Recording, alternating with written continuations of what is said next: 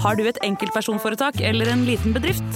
Da er du sikkert lei av å høre meg snakke om hvor enkelt det er med kvitteringer og bilag i fiken, så vi eh, gir oss her, vi. Fordi vi liker enkelt. Fiken superenkelt regnskap.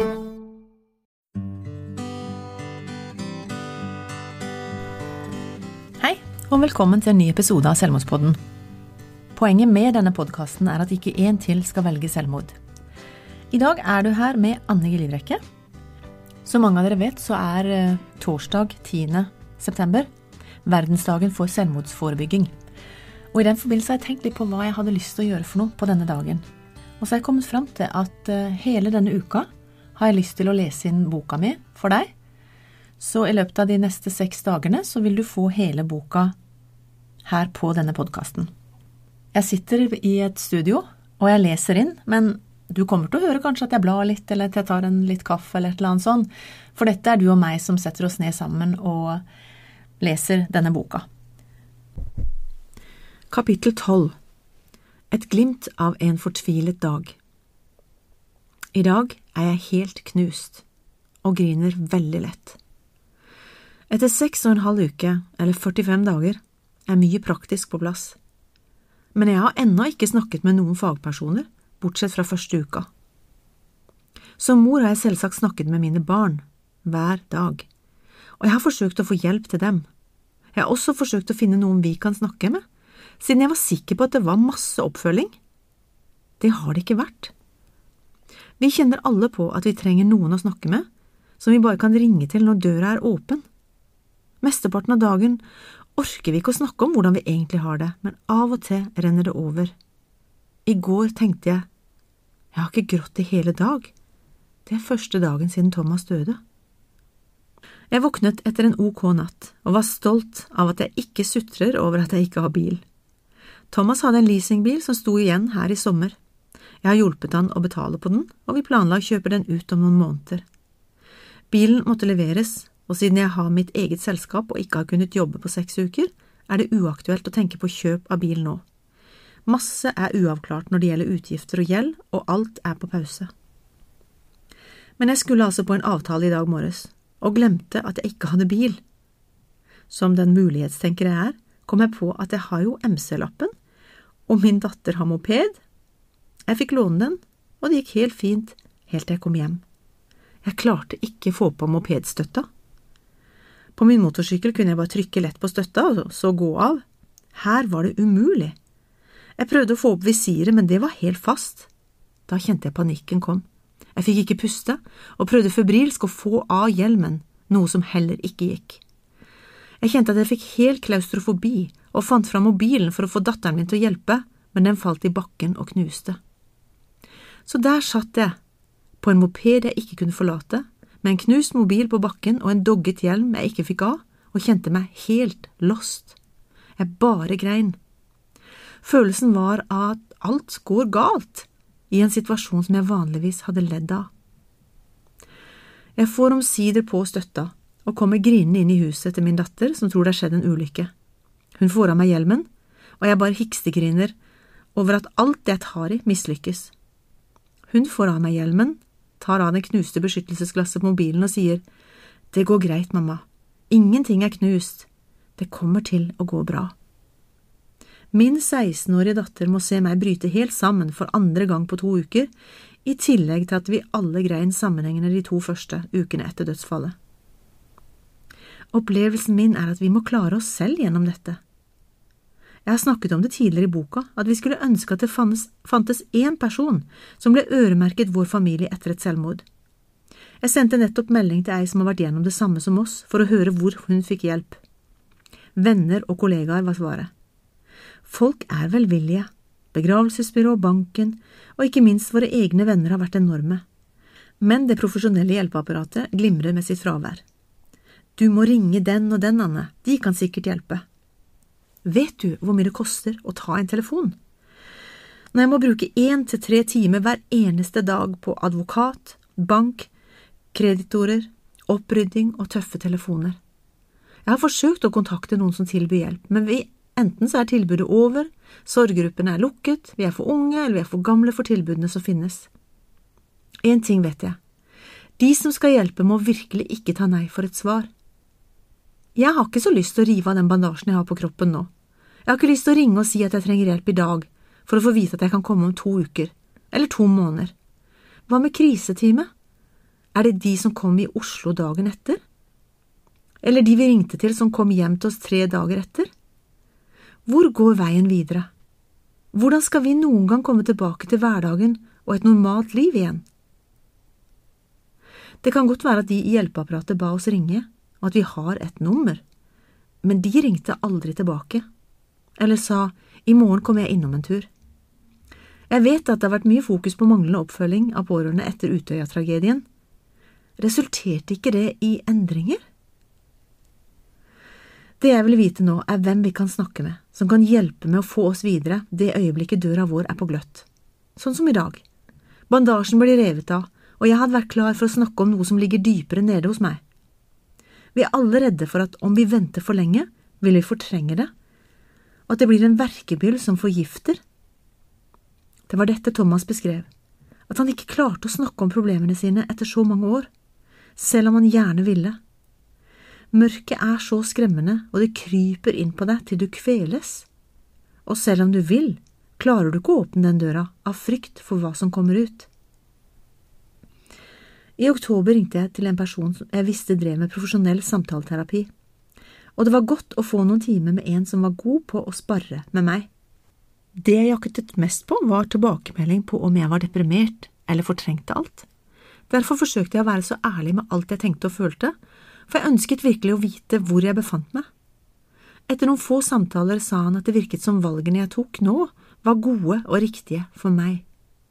Det var godt å høre fra en helt utenfor familien at han hadde tro på at vi ville klare oss.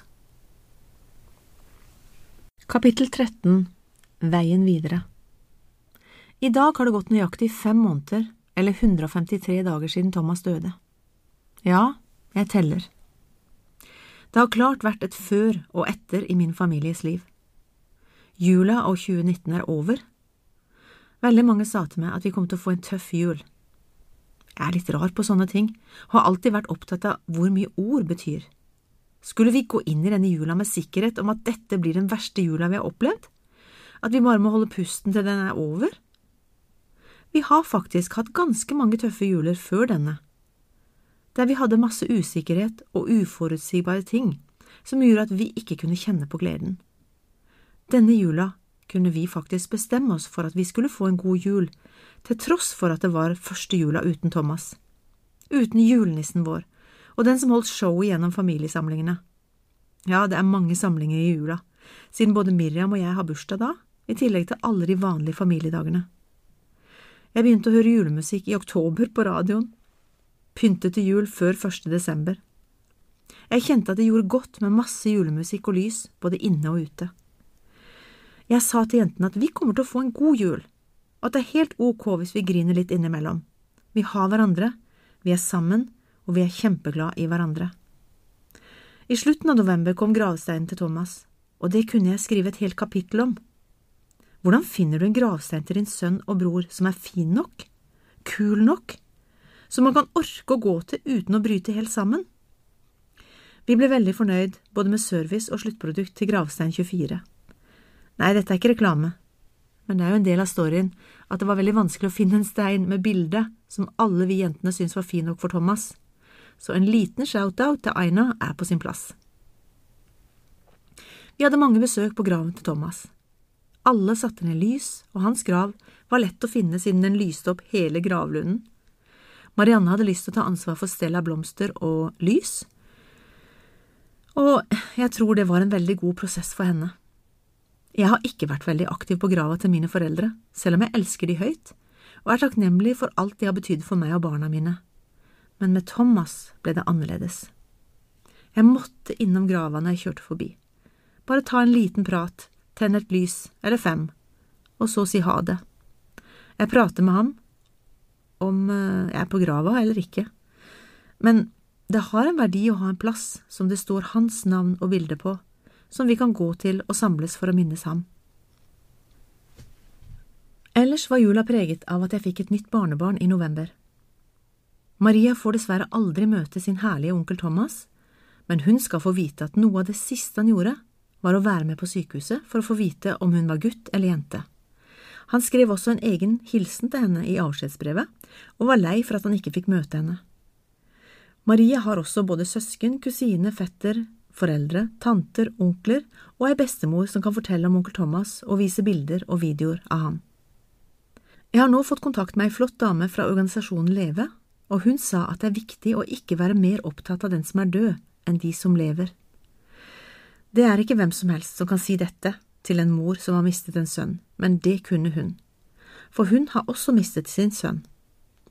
Selv om det tok lang tid før jeg fikk snakket med noen, velger jeg å være glad for at jeg fikk en likemann eller person å snakke med, og det er veldig godt for meg å vite at jeg kan ringe henne når som helst. Vi har også en avtale om at ingen av oss tar telefonen hvis ikke det passer, men at vi ringer tilbake når vi er klar. En ting som har vært litt vanskelig, er om andre syns det er greit at vi smiler og ler igjen etter denne tragedien. Vi har alltid vært en familie der latteren satt løst, og vi har til og med brukt galgenhumor midt i de verste stundene. Men når jeg nå møter andre, var, så, var de så usigelig triste. Jeg var jo trist, jeg òg, men innimellom kunne vi le på butikken eller ute blant folk, og jeg må innrømme at jeg tenkte at det kanskje ikke var helt lov. Vi snakket om det, og ble enige om at det var viktig for oss å kunne glede oss, og til og med le, uten å ha dårlig samvittighet. Vi har alltid ledd mye, i hvert fall når Thomas var på besøk. Det står en plass at man blir sterk av glede og ekte latter, og det tror jeg på. Så vi har fortsatt med å kunne både le og grine når vi er sammen. Og begge deler er helt greit. Vi har også vært ærlige med hverandre på at vi av og til er ekstra sårbare og ikke klarer å snakke om han i det hele tatt. Det er lett å respektere når man bare vet om det. Å velge gravstein og å skrive denne boka var tøffe prosjekter for oss alle. Vi kunne være skikkelig på, for plutselig å kjenne at vi nesten ikke klarte å puste, og da måtte vi si fra til hverandre og ta en god pause fra sorgen og prosjektene. I midten av desember startet Kine og jeg Selvmordspodden. Vi er gode venner, selv om hun er 22 og jeg er 59. Jeg har kjent henne i tolv år, og vi har til og med vært studenter sammen i USA i tre semestre for, kort, for kort tid siden. Hun jobber for meg med TV-kanalene vi driver på sosiale medier, så vi kjenner hverandre ganske godt. Vi kjente veldig på at vi satt med mange spørsmål og få svar, både når det gjelder Thomas sitt selvmord, og hvorfor så mange unge menn velger dette. Vi skjønte fort at åpenhet er viktig, og det å bruke podkast som metode virket riktig for oss. Jeg måtte selvfølgelig ha nok en runde med døtrene mine for å høre at dette var ok for dem. Jeg er så imponert over at de alle tre står med meg og tør å være så åpne, de også. Podden ble lansert 17. desember, og til nå har vi lansert seks episoder som over 3300 har spilt av. Jeg har ingen erfaring med podkaster, men tror det er ganske bra for en ny podkast. Vi har også egen Instagram, Facebook og YouTube-kanal på Selvmordspodden. Det var vanskelig å finne navn på podkasten, men til slutt fant vi ut at hvis vi ønsker mer åpenhet om selvmord, må vi tørre å bruke ordet. Vi ønsker å være lette å finne for alle som strever med dette temaet. I podkasten ønsker vi som sagt å få mer åpenhet om selvmord, og målet er ikke én til hashtag ikke en til. Vi har valgt å ha hovedfokus på unge menn som er usynlig deprimerte, det vil si ingen vet om at de sliter med slike tanker, siden de ikke makter å si det til noen. Vi fokuserer på historier, og vi intervjuer mange forskjellige mennesker som har tanker rundt dette temaet. Hvis du ønsker å høre på den, finner du den på de aller fleste plattformer som har podkast. Ellers er det bare å google, så kan du høre den gratis der det passer for deg.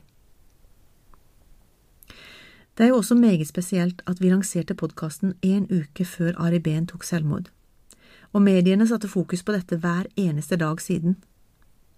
Det var beintøft å se begravelsen på TV. Det er så mye minnet om Thomas' sin begravelse 22. august. Å se familien hans tale, og vite litt om hvor forferdelig de har det, gjorde at det vrengte seg inni meg. Datteren til Ari Behn sa i begravelsen, Pappa må ha følt at han var så sliten at han ikke hadde noen annen utvei enn å gå ut av denne verden. Men der tror jeg han tok feil. Det er alltid en utvei. Jeg er helt enig med henne. I begynnelsen av januar fikk jeg melding fra TV 2 med forespørsel om å være med i God morgen Norge 14. januar. Jeg sa ja. Hvorfor? Fordi at det er ingen vei tilbake nå. Det kjennes riktig ut. Og ikke minst jentene mine vil at jeg skal fortsette med dette. For hver avgjørelse er det kjempeviktig for meg at det er ok for dem at jeg ligger så åpent med å snakke om Thomas. Jeg tror at min oppgave ligger i å spre åpenhet og kunnskap om det jeg vet, nemlig vår story. Og jeg ønsker å snakke med barn og ungdom, både via sosiale medier og forelesninger, og nye dører som åpner seg fremover. Jeg ønsker å jobbe med prosjekter som hjelper mennesker som ikke er innenfor et system der man vet at man ikke blir satt på en venteliste og kan være trygg på at man møter varme mennesker som hjelper med å finne varige og gode løsninger sammen med deg. Hvordan har vi det nå, seks måneder etter at livet ble snudd helt på hodet? Det går veldig opp og ned nå, men vi har definitivt fått litt mer hud på kroppen. Vi klarer å le litt oftere, og jeg har hatt noen få dager der jeg ikke har grått. På en måte er jeg redd for å stenge sorgen inne og det kjennes godt å la tårene renne, om det er fordi jeg ser en film, får en klem på gata, en melding som varmer, eller fordi jeg bare savner ham. Vi fem har alltid hatt mye gøy sammen, og vi smiler og ler på nesten alle bilder. Da jeg skulle finne et bilde av Thomas og meg til Instagram med mitt intervju på Selvmordsbåten, fant jeg ikke et eneste ett der vi var, var alvorlige. Det virket rart å poste et bilde der vi begge smiler. Men så er det litt godt også, for det er et sant bilde. Vi hadde det godt sammen. Vi hadde begge smerte inni oss, men vi var oppriktige glade i hverandre og lo masse sammen av vår tørre humor og rare påfunn. Det er også et sant bilde i forhold til det som er et av problemene mange unge menn har. De smiler og spøker mye, også når de egentlig ikke har det bra. Jeg har tenkt en del på det i det siste. Hvorfor virker det som jenter synes det er helt ok å snakke om alt mulig, mens gutter ofte spøker det bort? Thomas valgte jo bevisst å ikke ville snakke om negative ting. Det er jo i utgangspunktet en fin ting, men kan all humoren og spøken gjøre at man ikke tør å kjenne på vanskelige ting? Jeg har ganske mange spørsmål ennå, men jeg kan ikke utsette denne boka til jeg har funnet alle svarene. Jeg kunne sikkert ha gjort den mye finere og riktigere, men jeg jakter ikke på en karakter denne gangen. Det jeg ønsker, er at du skal oppleve at jeg har satt meg ned sammen med deg og fortalt historien min til deg. Fortalt om Thomas, om hvem han var og alt det fine han har gitt til oss og de rundt ham, men også om hvor utrolig vondt det er at han valgte å dø. Jeg tror at han hadde en så usigelig vond smerte inni seg som han rett og slett ikke klarte å leve med lenger. Jeg har sagt det flere ganger at jeg ikke har noen enkle svar på hvorfor Thomas valgte dette. Jeg skulle bare så inderlig ønske at han hadde klart å si ifra. Men det kan jeg ikke gjøre noe med nå. Jeg har ikke lyst til å skylde på verken de som har sviktet Thomas i livet hans, eller systemer som ikke virker. Jeg er mye mer opptatt av å finne ut hva jeg kan gjøre for andre unge gutter og menn som ikke snakker om det som gjør vondt. Det er mange som jobber med selvmordsforebygging med endringer i psykiatrien og det offentlige apparatet, og vil øke midler til akutt og langvarig hjelp til mennesker som sliter. Jeg tror det er viktig å jobbe fokusert inn mot ett område for min del. Det er veldig mange unge menn som velger å ta sitt liv i verdens lykkeligste land. Mange flere gutter enn jenter. Jeg ønsker å være en stemme for de som ikke har en selv. Det har vært mitt motto i mange år. Min mentor har trent meg opp til å bruke tavla som verktøy. Han har gitt meg en tusj og sagt skriv hva du tenker løsningen kan være, Anne. Og så har jeg skrevet og mange ganger har jeg blitt overrasket over at jeg har skrevet tavla full av ideer jeg ikke visste at jeg hadde. Jeg tror jeg er skapt til å være kreativ. Håp er en del av det å være kreativ, for det ligger i framtida. Det er ikke skapt ennå. Jeg vet ikke så langt inn i fremtiden, men først og fremst skal jeg utgi denne boka og fortsette med podkasten vår. Jeg ønsker også å ha flere foredrag og workshops på skoler og andre steder der min historie kan brukes. Kanskje blir det også samarbeid med flere aktører for å lage arrangementer og undervisning, som kan gjøre det lettere for alle, og spesielt unge gutter og menn, både å snakke om vanskelige temaer og til og med å be om hjelp. Hva kan gjøres for at hashtag ikke én til skal velge selvmord? Thomas beskrev at han hadde ikke flere alternativ, og da mister du håpet. Når ikke du ser en eneste løsning. Han beskriver i sitt avskjedsbrev at det som først var en tanke han hadde en gang iblant, kom oftere og oftere, og til slutt kom de hvert femte minutt. Selvmord var eneste løsningen han kunne se for å komme ut av den smerten han hadde inni seg. Så lenge han ikke sa det til noen andre, kunne ingen hjelpe han med å se andre utveier. Her kan jeg kjenne at jeg kommer i kampmodus. Hvordan skal man nå inn til en som har et slikt mørke, når alt man ser er latter og glede og suksess?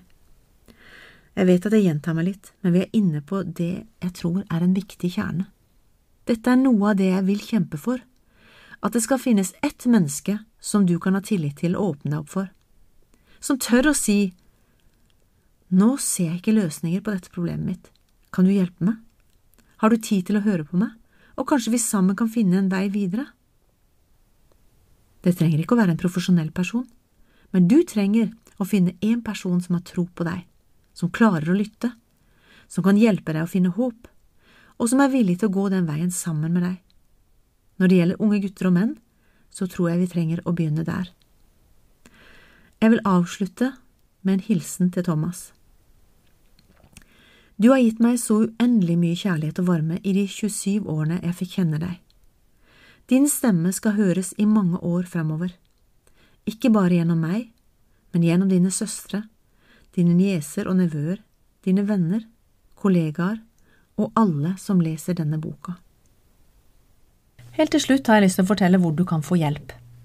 Kirkens SOS er en døgnåpen krisetelefon. Det samme er Mental Helse. Leve, Landsforeningen for etterlatte ved selvmord. Legevakten 116 117. Kors på halsen, Røde Kors sitt tilbud. Det er en samtaletelefon for barn og unge under 18 år. Og så er det tilbudet som heter Snakk litt, mellom Helsesista, Kirkens SOS og Nyby. Helt til slutt har jeg bare lyst til å takke deg for at du har vært med på denne episoden, og ønsker deg alt godt videre.